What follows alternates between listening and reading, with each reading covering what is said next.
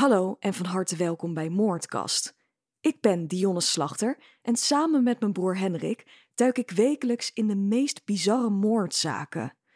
Inmiddels is Moordkast al een tijdje exclusief te beluisteren via de app Podimo. Hier op Spotify zie je dus lang niet al onze afleveringen.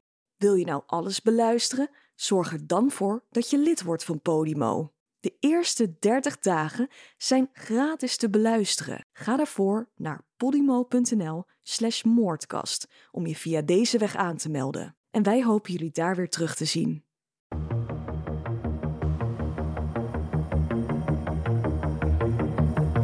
Welkom bij deze nieuwe Moordkast.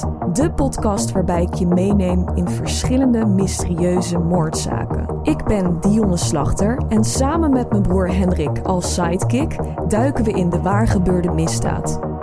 Vandaag hebben we het over de Jenny Jones Show murder. Hoe kon een bekendmaking van een geheime liefde op tv zo uit de hand lopen en eindigen met een moord? Van harte welkom allemaal weer bij deze nieuwe moordkast. Ik zit hier dit keer niet naast mijn broer Hendrik, maar naast Jeroen. Hallo allemaal. Bedankt dat ik hier weer als uh, invaller mag zijn. Ja, Hendrik uh, heeft vorige week een zoontje gekregen, genaamd Boris. Daar hebben we een foto van gepost op de Instagram van Moordkast. Nou, echt heel erg bedankt allemaal voor jullie felicitaties, ook namens Hendrik. Ja, vanzelfsprekend heeft hij uh, op dit moment wat andere dingen aan zijn hoofd. Dus Jeroen, is weer zo lief om vandaag voor hem in te vallen. En ik ga weer mijn best doen. We hebben vandaag een uh, bijzondere zaak voor jullie voorbereid. Eentje die de talkshow-geschiedenis uh, wel geschreven heeft en ook veranderd heeft. De manier waarop ja, dit soort talkshows met hun gasten omgaat, bijvoorbeeld. Ja, dat staat in deze zaak nogal centraal. Ik denk dat we dit soort shows allemaal wel kennen. Van vroeger op de buis, onder andere Jerry Springer. Daar waren ze bij mij thuis en ik heel erg verslaafd aan. Dat Echt? stond altijd op. Ja, ja. Ik vond het verschrikkelijk. Nee, mijn zusje keek dat altijd. Voor zover ik weet. Jij moest noodgedwongen meekijken. Ja, ja, net zoals goede tijden, slechte tijden. Dat moest ik ook meekijken. Dat keek ik dan weer wel.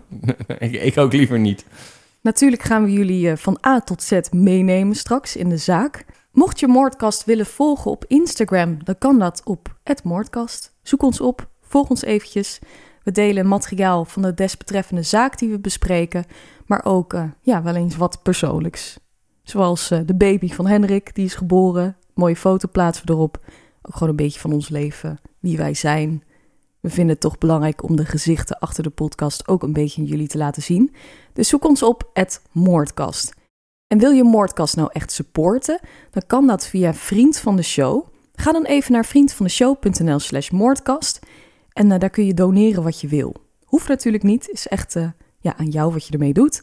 Maar je kunt ons maandelijks steunen, jaarlijks of zelfs eenmalig. En daar doen we iets voor terug. Er staat een uh, nieuwe QA online, die ik samen met mijn broer heb opgenomen, nog net voordat Boris werd geboren. Dat is een speciale aflevering, enkel en alleen te beluisteren als je vriend bent van de show. En het zijn ook vragen die gesteld zijn door onze vrienden. Aan het eind van elke aflevering benoemen we iedereen die deze week vriend is geworden. Dus die zetten we eventjes in het zonnetje, maar dat komt veel later pas. Ik denk dat we maar heel snel moeten gaan beginnen. Dus dit is het verhaal over de Jenny Jones Show murder.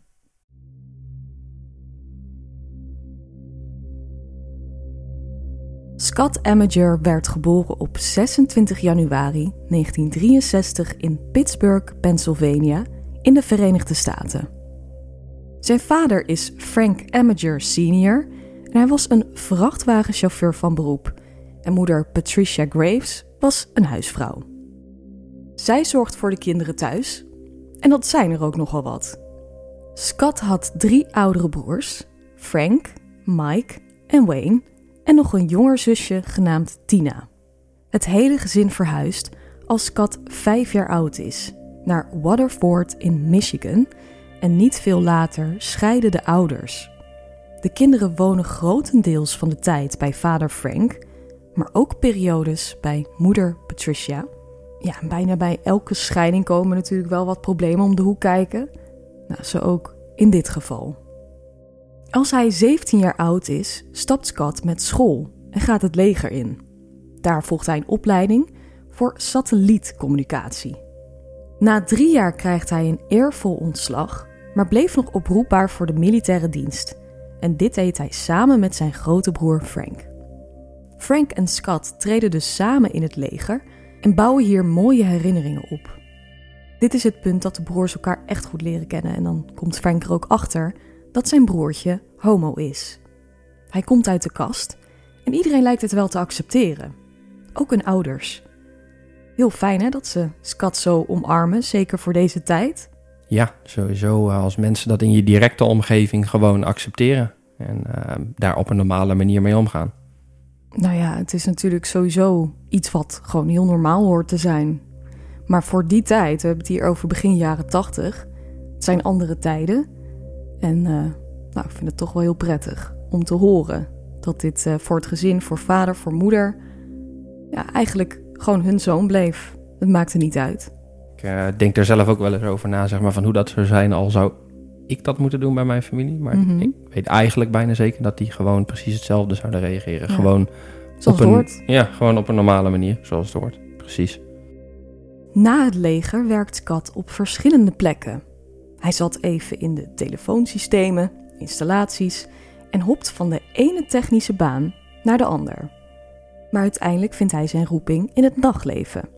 Hij wordt barman en dat ligt hem ook wel prima. En Scott was echt wel een hele spontane jongen. En dit was hem echt wel op het lijf geschreven. Hij hield ervan om in de belangstelling te staan, het middelpunt te zijn en was echt een extravert. Iets wat wij niet echt zijn, hè? ik zeker niet in ieder geval. Uh, nee, nee. Nou, ik ook uh, niet hoor. Nee, ik ben er altijd al. Uh, zelfs nu ik hier alweer zit, dan besef ik me nu alweer van. nou, hoe, toch wel een beetje spannend. Hoe introvert ik ben, inderdaad, ja. ja, nou, deze man die hield wel van een feestje. Wij ook wel, maar hij was er altijd. Ja, om toch wel dat middelpunt in te nemen. En ik las ook ergens dat hij gek was op clowns. Oh, dat heb ik helemaal niet meegekregen, inderdaad. Dat heb ik Ik heb het idee dat dat wel een dingetje was van de jaren tachtig. Clowns? Ja, clowns. Ik heb het vaker uh, gezien hè, in, de, in Moordkast.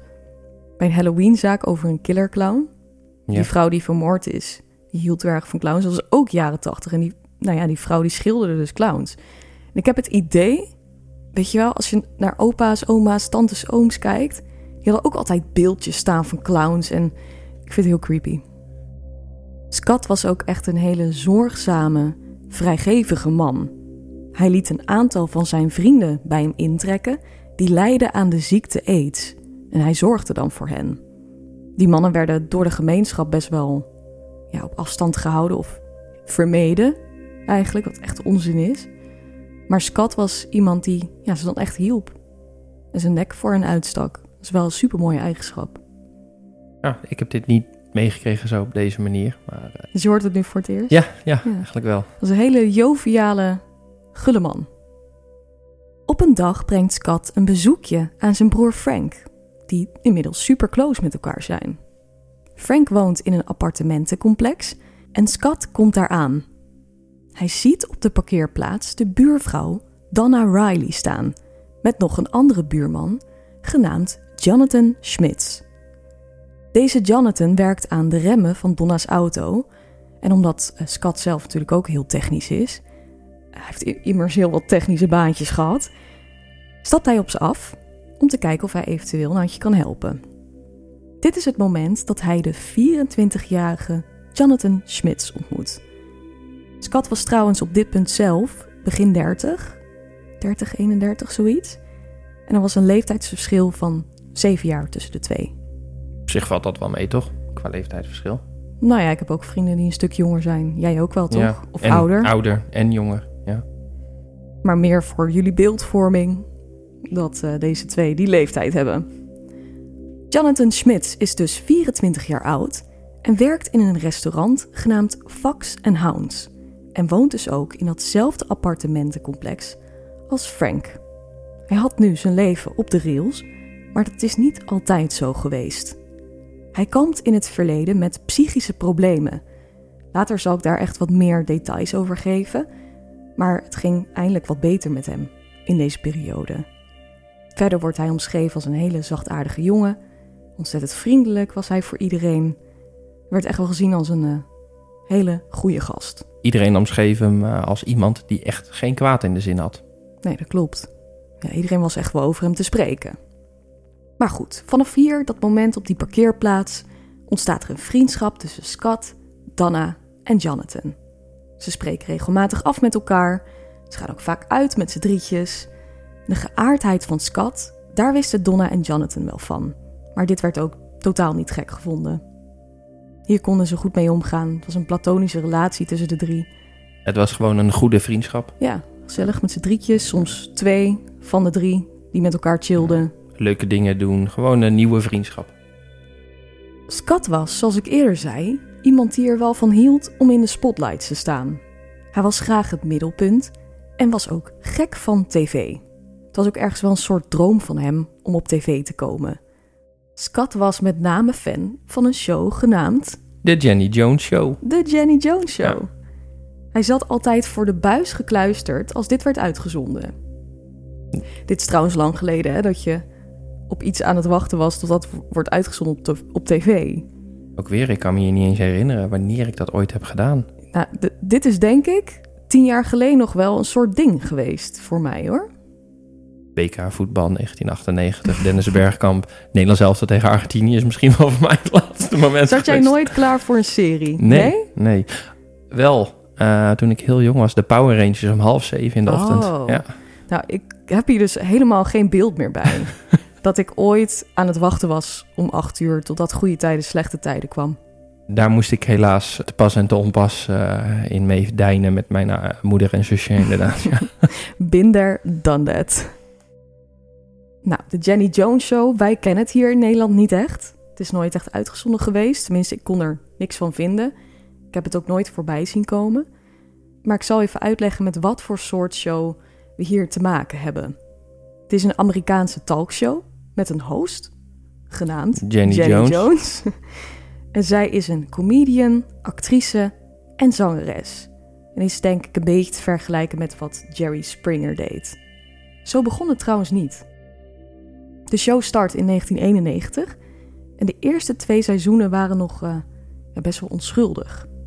Ze wilden vooral eh, ja, die Oprah Winfrey Vibe uitstraling een wilde ze- beetje. Ja, ja, ze wilde de opera Win Winfrey vibe, wilde ze geloof ik hebben in haar eh, show. Het sloeg niet echt aan. Nee, totaal niet. We hebben een En, eh, documentaire samen gekeken. Dat was Media by Trial. Ja, op Netflix. Of Trial Ja, by Media, sorry. Trial by Media. Trial by mij, ja, Media.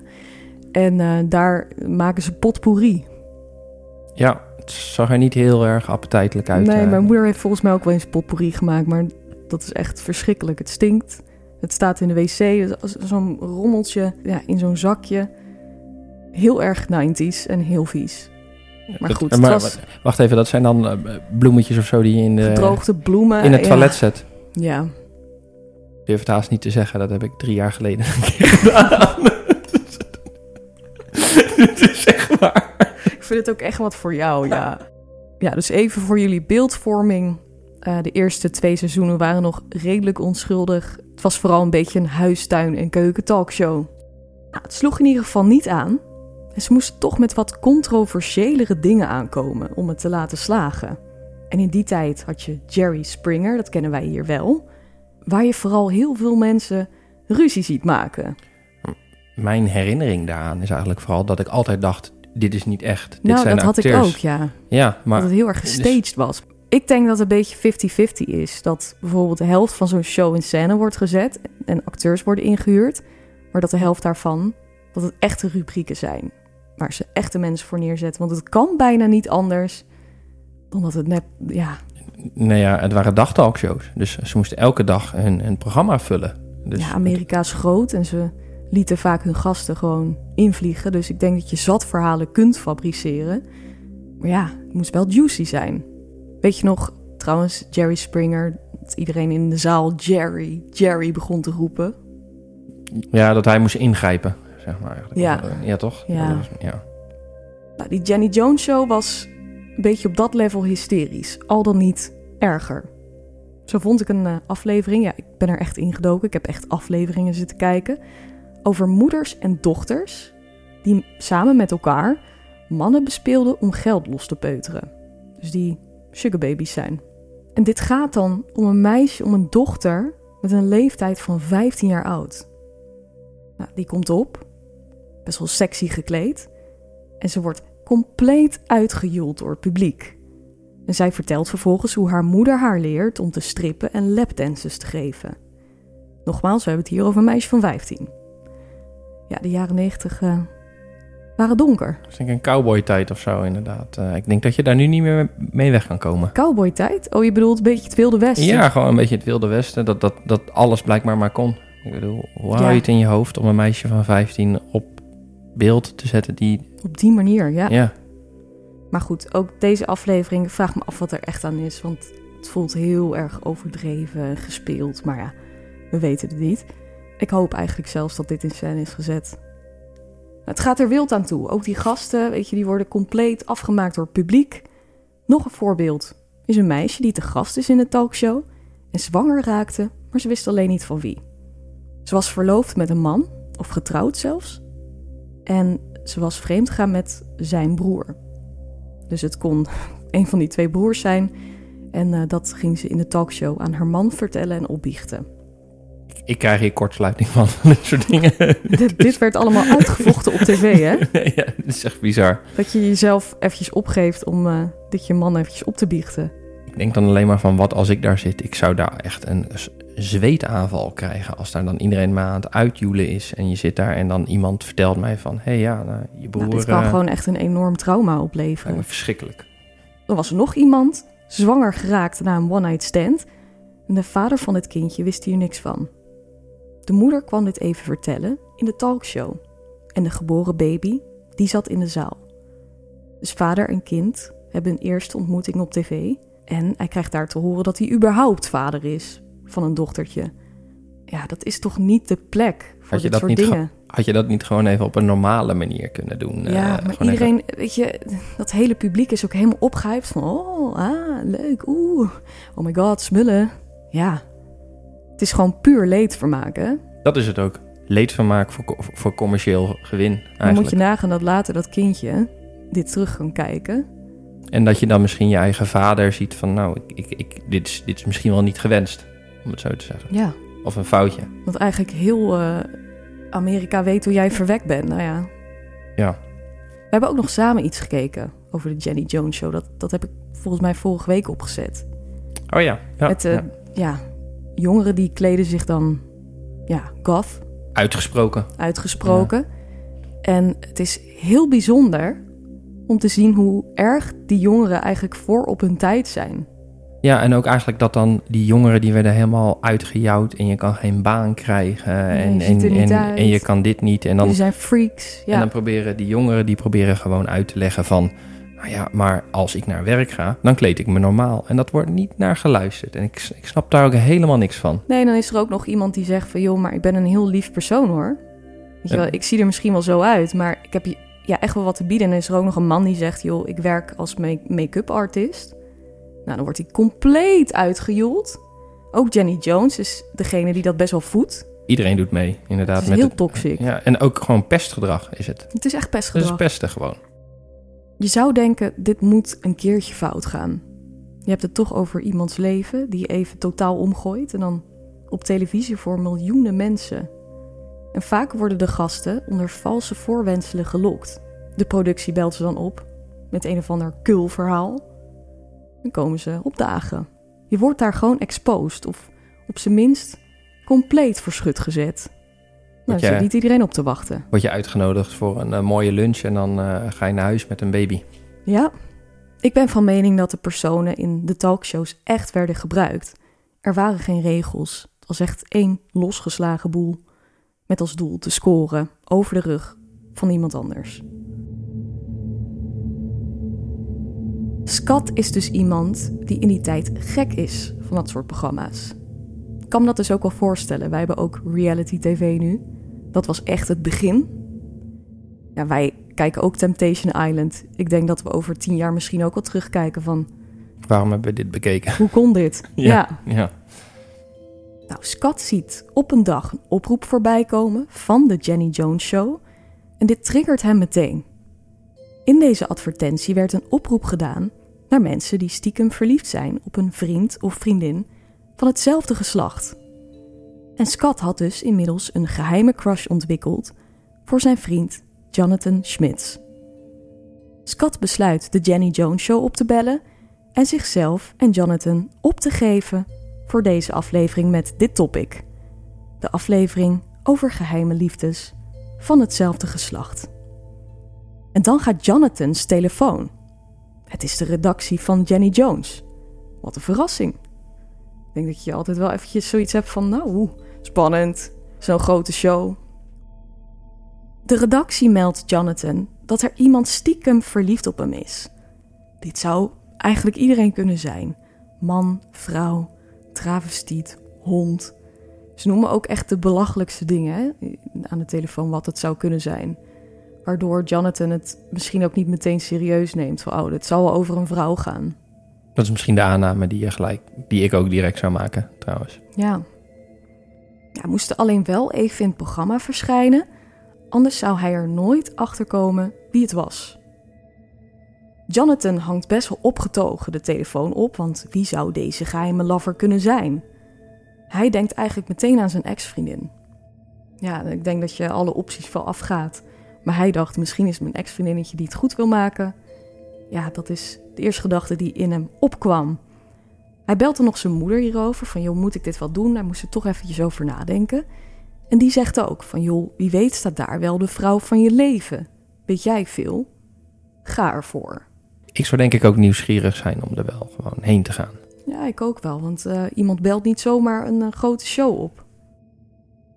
Jonathan had geen idee dat hij in een aflevering zou zitten met als onderwerp geheime crush van hetzelfde geslacht. Hij was er blind van uitgegaan dat er een vrouw zou zitten.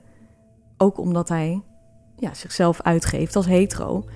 En is dus uiteindelijk ermee ingestemd om te verschijnen in de aflevering. Nou, op 6 maart 1995 vinden de opnames plaats, waarin Jonathan is uitgenodigd. En Jonathan, Dana en Scott worden alle drie ingevlogen om hierbij aanwezig te zijn. Natuurlijk apart van elkaar, want het moet allemaal geheim blijven. Jenny Jones trapt af met het intro en weet het publiek flink op te zwepen. Now, which of these ways would you choose to reveal your secret crush on someone? A, would you write that person a letter? B, would you tell the person in private in case he rejects you? Or C, would you tell that person that you're gay and you hope he is on national television?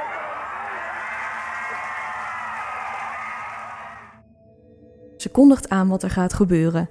Dat er iemand is die zijn geheime liefde gaat verklaren aan iemand van hetzelfde geslacht, waarvan hij niet zeker weet of hij gay is, ja of nee.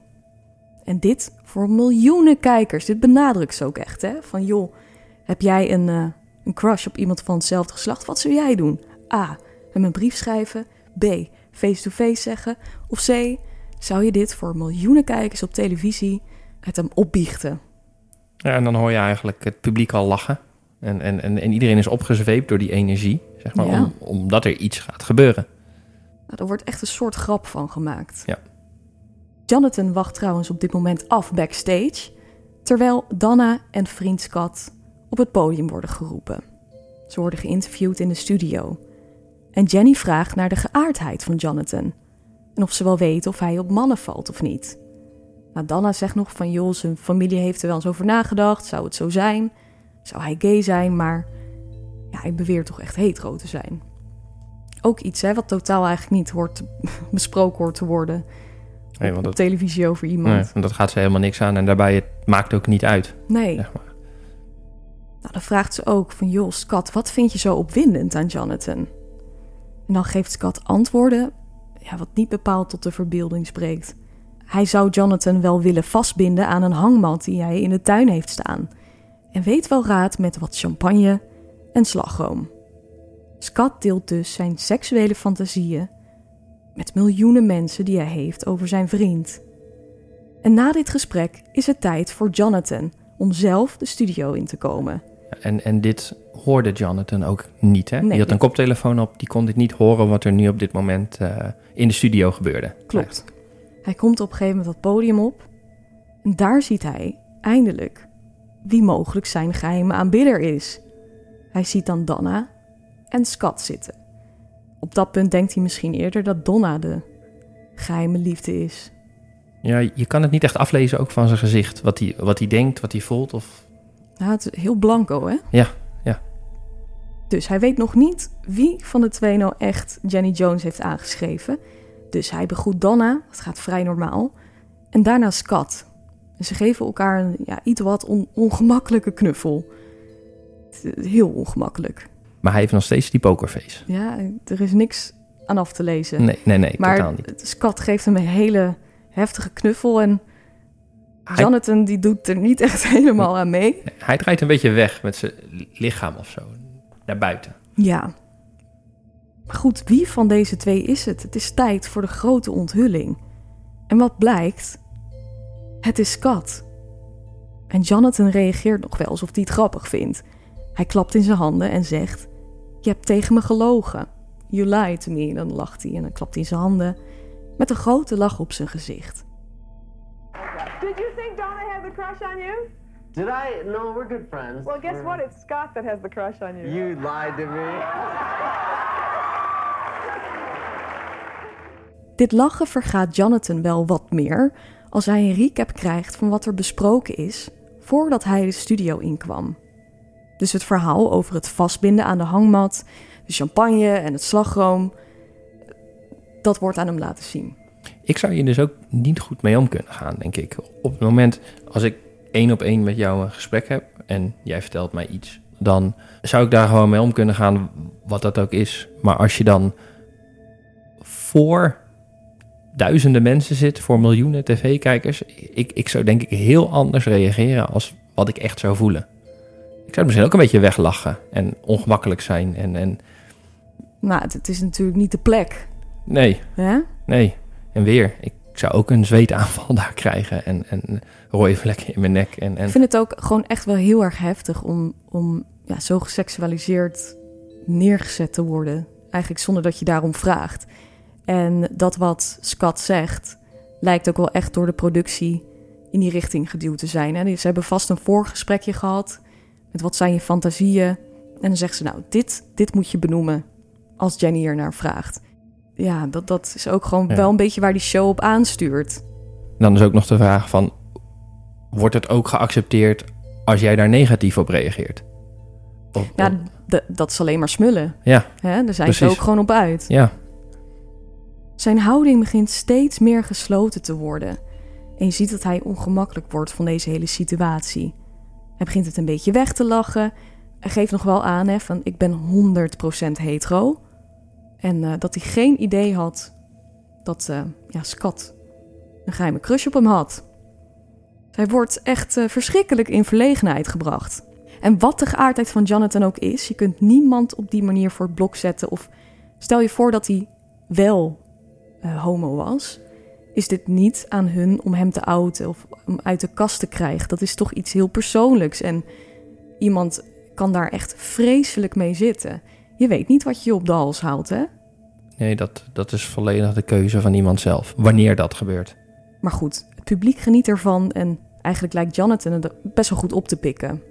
Hij vindt het niet heel prettig, maar het is niet dat hij zich laat kennen of ehm, Nee, hij doet gewoon mee. Hij reageert niet vijandelijk of maakt geen verwijten. Na de show vlogen Donna, Scott en Jonathan met z'n drieën terug. En toen was er ook niks van boosheid op te merken van Jonathan. Ze dronken daarna zelfs nog wat met elkaar in een bar. En misschien was de situatie wat ongemakkelijker of werd het een beetje weggelachen.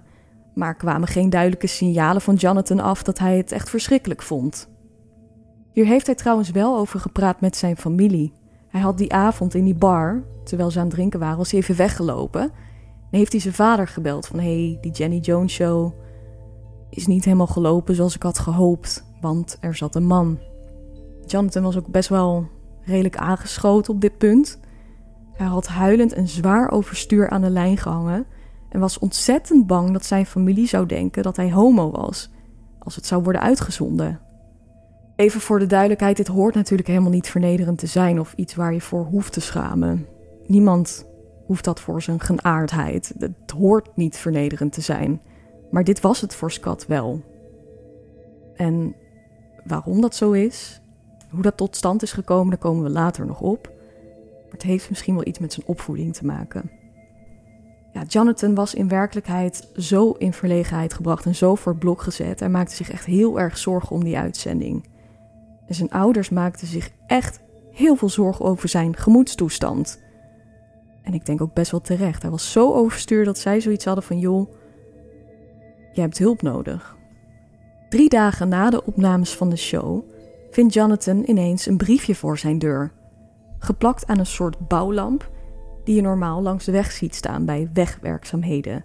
Het is met zo'n langwerpig reflectiegedeelte dan zo'n oranje lampje erboven. Ja, een soort van pion met een lampje erboven. Ja, met een zeg maar. knipperlichtje. Ja, ja. Dat knipperlichtje dat had, eh, had iemand aangezet voor zijn deur. Ja, gewoon echt, dat die hele lamp stond voor zijn deur. Met een, eh, een briefje erop. Scott had deze lamp met dat briefje erop voor zijn deur gezet. En er stond best wel een seksueel getinte tekst op. Er stond op: If you really want to get it off, I'm the only one who has the right tool. Ik denk getting off is al een soort seksueel Het is denk ik sowieso een hele seksuele toespeling eh, weer naar hem. En wat ik meekreeg van de docu is dat dat dus ook een grapje was die ze een avond of twee daarvoor toen ze nog samen gingen stappen eh, hadden gemaakt. Dat ze een lamp hadden gevonden, dat ze dus zo'n oranje lamp hadden gevonden en toen hadden ze daar al grapjes over en weer over Mm. gemaakt. Het was misschien een beetje cynisch bedoeld. Ja, ik, ik denk oprecht dat het voor hem gewoon een grap was. Ja, maar hij had wel een crush. Ja. Dus, maar if you want to get it off, weet je wel, dat, dat is toch al iets seksueel getint. Dat is, dat is het- seksueel getint, ja. En dan heeft hij het juiste gereedschap. Ja, Ja. dat is wel eventjes van, joh, Kom maar even langs. heel eh, dubbelzinnig. Dit maakt Jonathan woedend. Of laat maar zeggen, gewelddadig. Hij reed direct naar de bank om geld op te nemen en kocht daarmee een wapen. In Amerika kun je daar gewoon naar de ijzerhandel gaan, hè, daarvoor. Het was ook best wel een grote shotgun, wat hij had aangeschaft. Het wapen legt hij achter in de auto en hij rijdt naar de woonwagen waar Scott in woont, in Orion Township. En hij klopt bij hem aan de deur. Scott doet open en Jonathan en Scott hebben eventjes een woordenwisseling. Tussen de woorden door zegt eh, Jonathan dat hij nog zijn motor moet afzetten, dus loopt hij terug naar zijn truck, pakt zijn shotgun uit de auto, dat enorme wapen en loopt daarmee terug naar de woonwagen. Scott had trouwens in die tijd een huisgenoot die overal getuige van is geweest. En als Jonathan op het huis met het wapen afloopt, roept Scott naar zijn huisgenoot: Help, hij, hij heeft een geweer. Dat was wel echt pure paniek. En doet een stap achteruit. Jonathan zwaait de deur open met het geweer en Scott pakt een rieten stoel om nog een soort van dekking te zoeken. Maar tevergeefs. Er wordt een schot gelost en daarna nog één. Scott valt neer en hij is twee keer in zijn borst geraakt. Jonathan stapt meteen in zijn auto en rijdt naar een telefooncel om daar het alarmnummer te bellen. Hij geeft aan dat hij een man heeft neergeschoten omdat hij iets vreselijks heeft gedaan. Hij had hem zo vernederd bij Jenny Jones, zegt hij ook. Jonathan is in tranen en geeft zichzelf dus meteen over. De ambulance en de recherche zijn al snel ter plaatse en zo ook de journalisten. Zij krijgen er al heel snel lucht van dat dit een link heeft met een Jenny Jones aflevering die recentelijk is opgenomen. En zo ontstaat er een groot mediacircus. Nou, Jonathan wordt natuurlijk gearresteerd. Die zit vast. En er moet een proces komen. Die moet natuurlijk uiteraard voorkomen. En ik heb het al vaker besproken in Moordkast. Destijds, in de jaren negentig, was het vrij gewoon om zaken te laten zien op televisie. En dat heette dan Court TV. Dit zagen we bij onder andere de Menendez Brothers, eh, de zaak van O.J. Simpson, zo ook in deze zaak. Nogmaals, jaren 90 was best wel ingericht op sensatie. Dit hele proces is dus te zien geweest. Ik heb ook stukjes ervan bekeken. En ook de aflevering, die nooit eigenlijk is uitgezonden op tv, ja, die moesten ze in Core TV wel laten zien. Dus vandaar dat de aflevering van Jenny Jones, waarin Jonathan Schmitz en Scott Amager te gast waren, dat die dus wel gewoon te vinden is, nu ook op YouTube. Het is gewoon te zien. Er wordt al vrij snel een beeld geschept wat Jonathan ertoe gedreven heeft de moord te plegen. Daar komt dus een stukje van zijn voorgeschiedenis om de hoek kijken. Als tiener kampt Jonathan namelijk met depressies en zelfmoordgedachtes. Hij heeft zelfs meerdere pogingen tot zelfmoord gedaan. Hij werd gediagnosticeerd met meerdere psychische aandoeningen, waaronder een bipolaire stoornis, depressies en hij heeft ook psychoses gehad. Hij zou vroeger ook nog eens mishandeld zijn door zijn vader, die hem regelmatig vernederde tegenover zijn klasgenoten. Dan kreeg hij bijvoorbeeld straf, terwijl iedereen toekeek. Ja, er was ook één situatie waarbij hij dus spijbelde. En daar wilde zijn vader, die wilde ja, even een voorbeeld stellen door hem te straffen. En die heeft hem toen met de riem geslagen en daarna zijn haren meegetrokken naar de klas en hem voor de klas gestraft. Stel je voor, je vader neemt je mee naar het lokaal en straft je voor alle klasgenoten. Ja, lijkt me ook. Dat, dat, dat zou toch wel echt zijn littekens hebben achtergelaten. Zeker als iemand dan voor miljoenen mensen wordt neergezet. Het zou kunnen dat hem, ja, dat, dat hem heeft teruggeworpen naar dit soort situaties. Hè? Ja, ik kan me voorstellen dat dit uh, meespeelde met zijn latere keuze. De advocaten van Jonathan beweren dat de vernedering van de Jenny Jones Show, in combinatie met zijn psychische aandoeningen en zijn verleden, hem over het randje van gezond verstand hebben geduwd. En dat hij door zijn mentale toestand zich niet bewust was van de gevolgen van zijn daden. Een psychiater heeft het ook allemaal bevestigd en in zijn medisch dossier dit alles ook aan te tonen. Het is natuurlijk nog geen reden voor een moord, totaal niet hè, maar Jonathan koos er ook bijvoorbeeld niet voor om in gesprek te gaan met Scott. Het was gewoon gelijk, ik koop een shotgun, ik rij naar zijn huis. Ze hebben nooit iets aan hem gemerkt. Nou, de advocaat van Jonathan die gebruikt best wel een beetje een rare, rare verdedigingstechniek. Uh, namelijk het feit dat Scott een rieten stoel had gebruikt om zich ja, te beschermen. Volgens de advocaat van Jonathan was het om Jonathan aan te vallen. En Jonathan heeft uit noodweer gehandeld. Dus uh, daarom zou hij hebben geschoten. Ja, heel bizar. Dat uh, lijkt me ook in geen geval waar. Nee. Dat als iemand... persoon A heeft een rieten stoel, persoon B heeft een pistool. Shotgun. Ja, een shotgun zelfs nog. En dan voelt en, degene met een, een, gun zich bedreigd? Door de persoon met de rieten stoel. Een mooie rotanstoel. Nee. De advocaat is trouwens best wel een beetje een over het paard getilde vent. Vond echt vreselijke man. Die zit gewoon doodleuk te vertellen met een glimlach dat Scott erom vroeg om vermoord te worden. Deze advocaat gebruikt ook best wel een vreemde juridische tactiek, een strategie, genaamd de homo-paniekverdediging. De gay panic defense. De moord zou gepleegd zijn vanwege de ongewenste toenadering van Scott, iemand van hetzelfde geslacht. Zoiets zorgt dus voor een acute homoseksuele paniek en een angst dat je door die persoon misbruikt wordt. Maar het is natuurlijk een uh, bizarre term, toch? Ik heb dit nog nooit gehoord. Ja, de gay panic defense is een ding. Is dat een ding? Bestaat dat? Het bestaat. Is, is die logica ook echt... Is dat sound? Ik, nou, ik vind van niet. Nee, ik vind absoluut van niet. Dit, dit klinkt oerdom. Een hele homofobe tactiek. Het is een tactiek die uh, vaker werd gebruikt als homo's of transgenders werden aangevallen bij een dader. Dus de dader die dan verdedigd werd.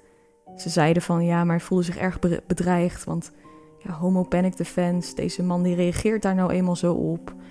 Het is letterlijk een tactiek die werd gebruikt in de tijd dat ze nog dachten dat homoseksualiteit een psychische aandoening was.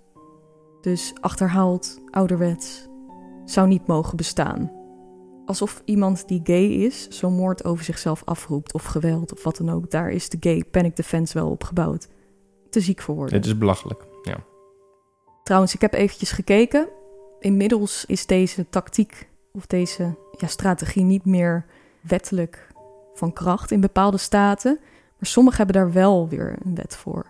Dus ja, eigenlijk best wel veel staten die je nog wel gewoon toelaten om deze gay panic defense te gebruiken als advocaat. Ik, ik ga dit nog wel even uitzoeken. Ik vind dit echt te bizar voor woorden. Ik heb hier ook nog nooit van gehoord dat dit ook echt bestaat. Ik ook niet hoor, voor deze zaak. Dus, puntje bij het paaltje. Omdat Scott had geflirt, voelde Jonathan zich echt enorm bedreigd. Maar de advocaat van Jonathan doet zijn werk. Dat doet hij helaas ook met echt enorm veel overtuiging. Het is echt best wel, ja, Het is gewoon iemand die goed zijn werk doet. Maar uh, moreel gezien, ik vind het gewoon een zak. Het OM droeg echt aan op moord met voorbedachte raden, maar de jury was het hier niet mee eens. De jury kreeg best wel medelijden met Jonathan en hij werd schuldig bevonden aan slechts doodslag. Second degree murder. Hij krijgt 25 tot 50 jaar cel opgelegd.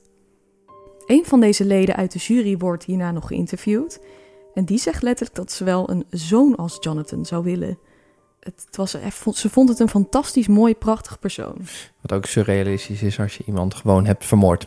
Ja, hij wekte hoe dan ook nogal wat uh, sympathie op bij het grote publiek. En eerlijk, zo werd hij ook in de media neergezet. Er komen familieleden aan het woord die Jonathan de hemel inprijzen. Wat voor goede jongen het hiervoor was. De zaak krijgt zoveel aandacht. En het beeld ontstaat van een Jonathan die zelf ook slachtoffer is ergens is hij dat natuurlijk ook wel. Maar natuurlijk is het nooit een reden om een moord te plegen of daar, ja. Ik denk dat het uit twee onderdelen bestaat. Je hebt inderdaad hoe de Jenny Jones show omgaat met mensen.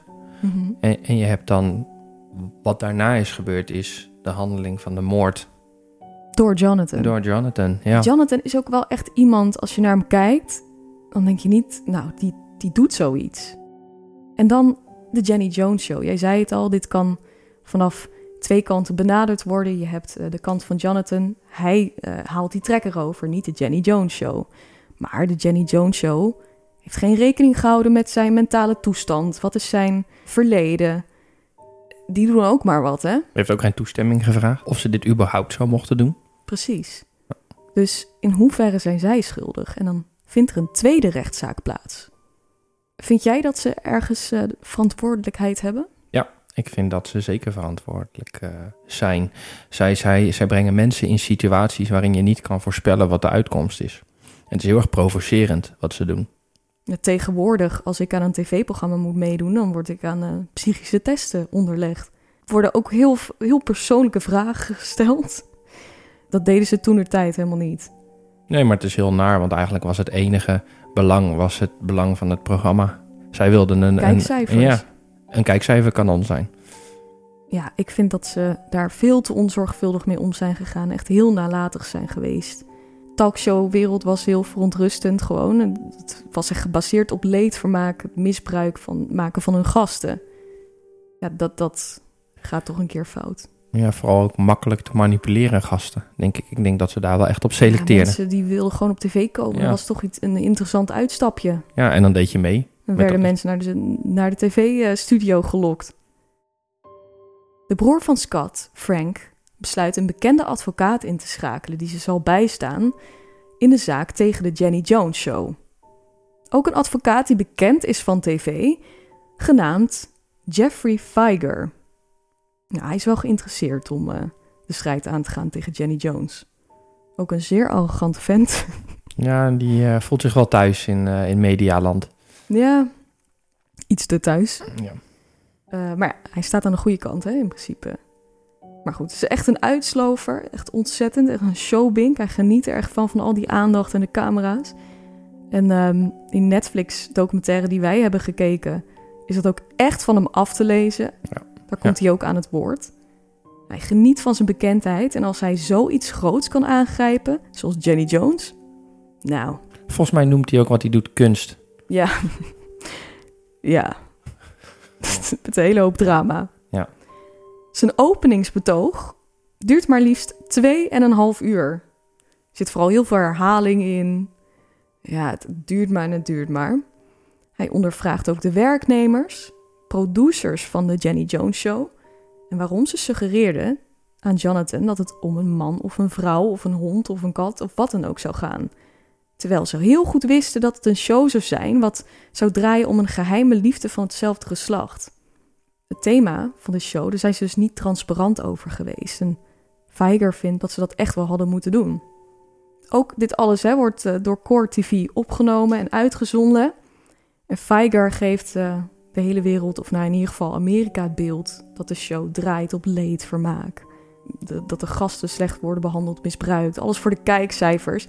En daar heeft hij wel een goed punt. Dat weet hij ook best wel goed te omschrijven. En, en wat daar ook een heel bizar gegeven is, is dat dus de Jenny Jones Show, er zit een productiemaatschappij achter, maar dezelfde productiemaatschappij... Ja, maakt dezelfde productiemaatschappij als de um, Crime Court, of hoe heet het ook alweer? Court, Court TV. Court TV, ja. Dus die verdienen aan beide kanten nu geld. Ja, Over de rug van een Van dode deze man. zaak, Ja, ja. ja. ja, van deze zaak of een dode van man. hun eigen zaak eigenlijk.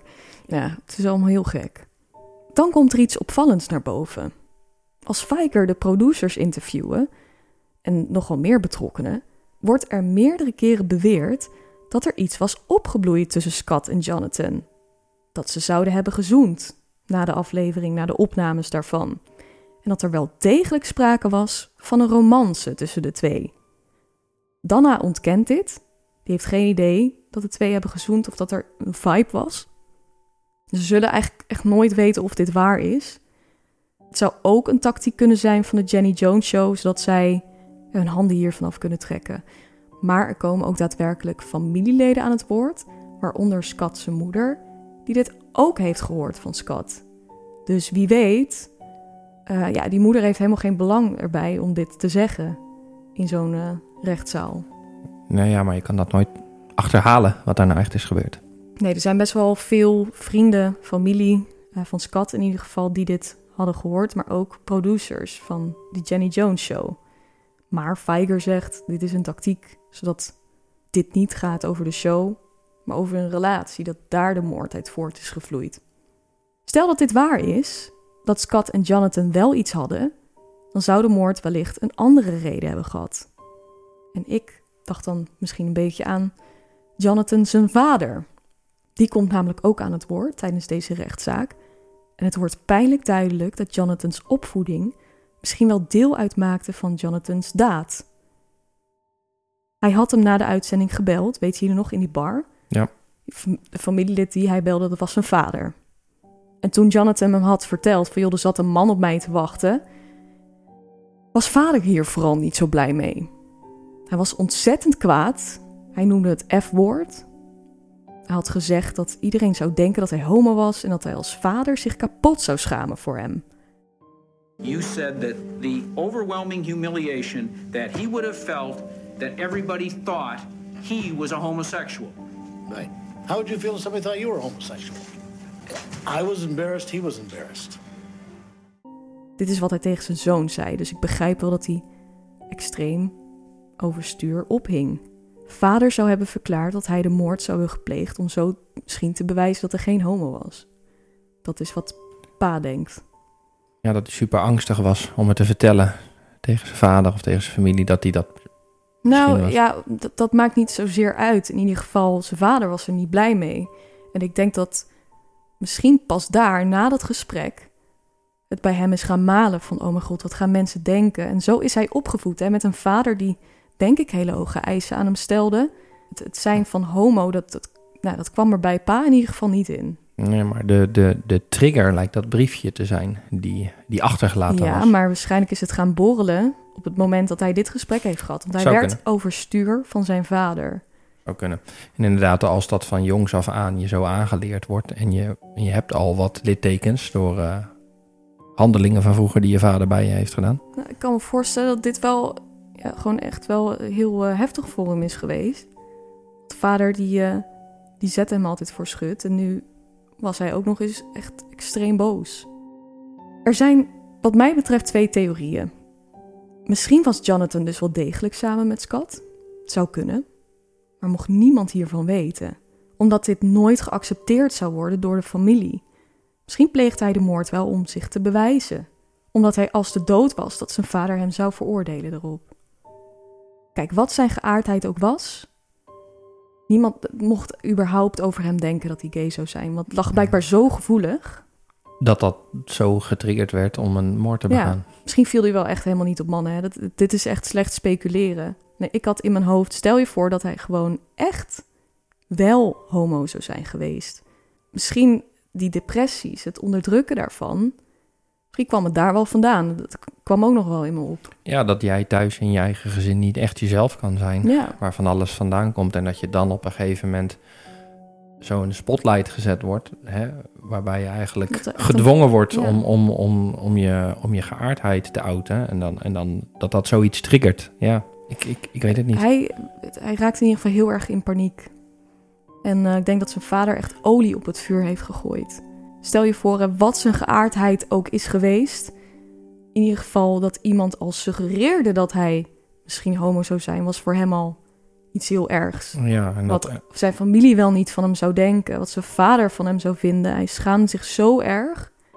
Maar goed, dit is het proces van Jenny Jones. Het moet uitweiden of zij ook een straf krijgen. En ehm, Jenny moet dan zelf ook het getuigenbankje in. En ze wordt stevig door Feiger aan de tand gevoeld. Deze vrouw heeft overal een woordje wel voor klaarstaan, hè? ja, op het begin wel. Maar eigenlijk later weet hij wel een ander beeld te schetsen wat er wel raakt en wat er een beetje van haar stuk brengt. Ja, dat ze over de emoties van gasten heen stapt, ehm, dat om het publiek te entertainen. En hij zet daar op een gegeven moment best wel helemaal klem. Dus ze houdt zich inderdaad op het begin nog eventjes staande, maar niet voor heel lang. Ook dit alles werd opgenomen door Court TV en de kijkcijfers van, van dit verhoor en dat getuigenbankje die gaan echt door het dak. Ik denk, bottom line is, de show is nalatig geweest. Omdat ze jongen met heel wat psychische problemen hebben blootgesteld aan deze show en nalatig zijn geweest richting hun gasten. Jenny Jones had al ja, best wel voor een gevaarlijke situatie gezorgd hier.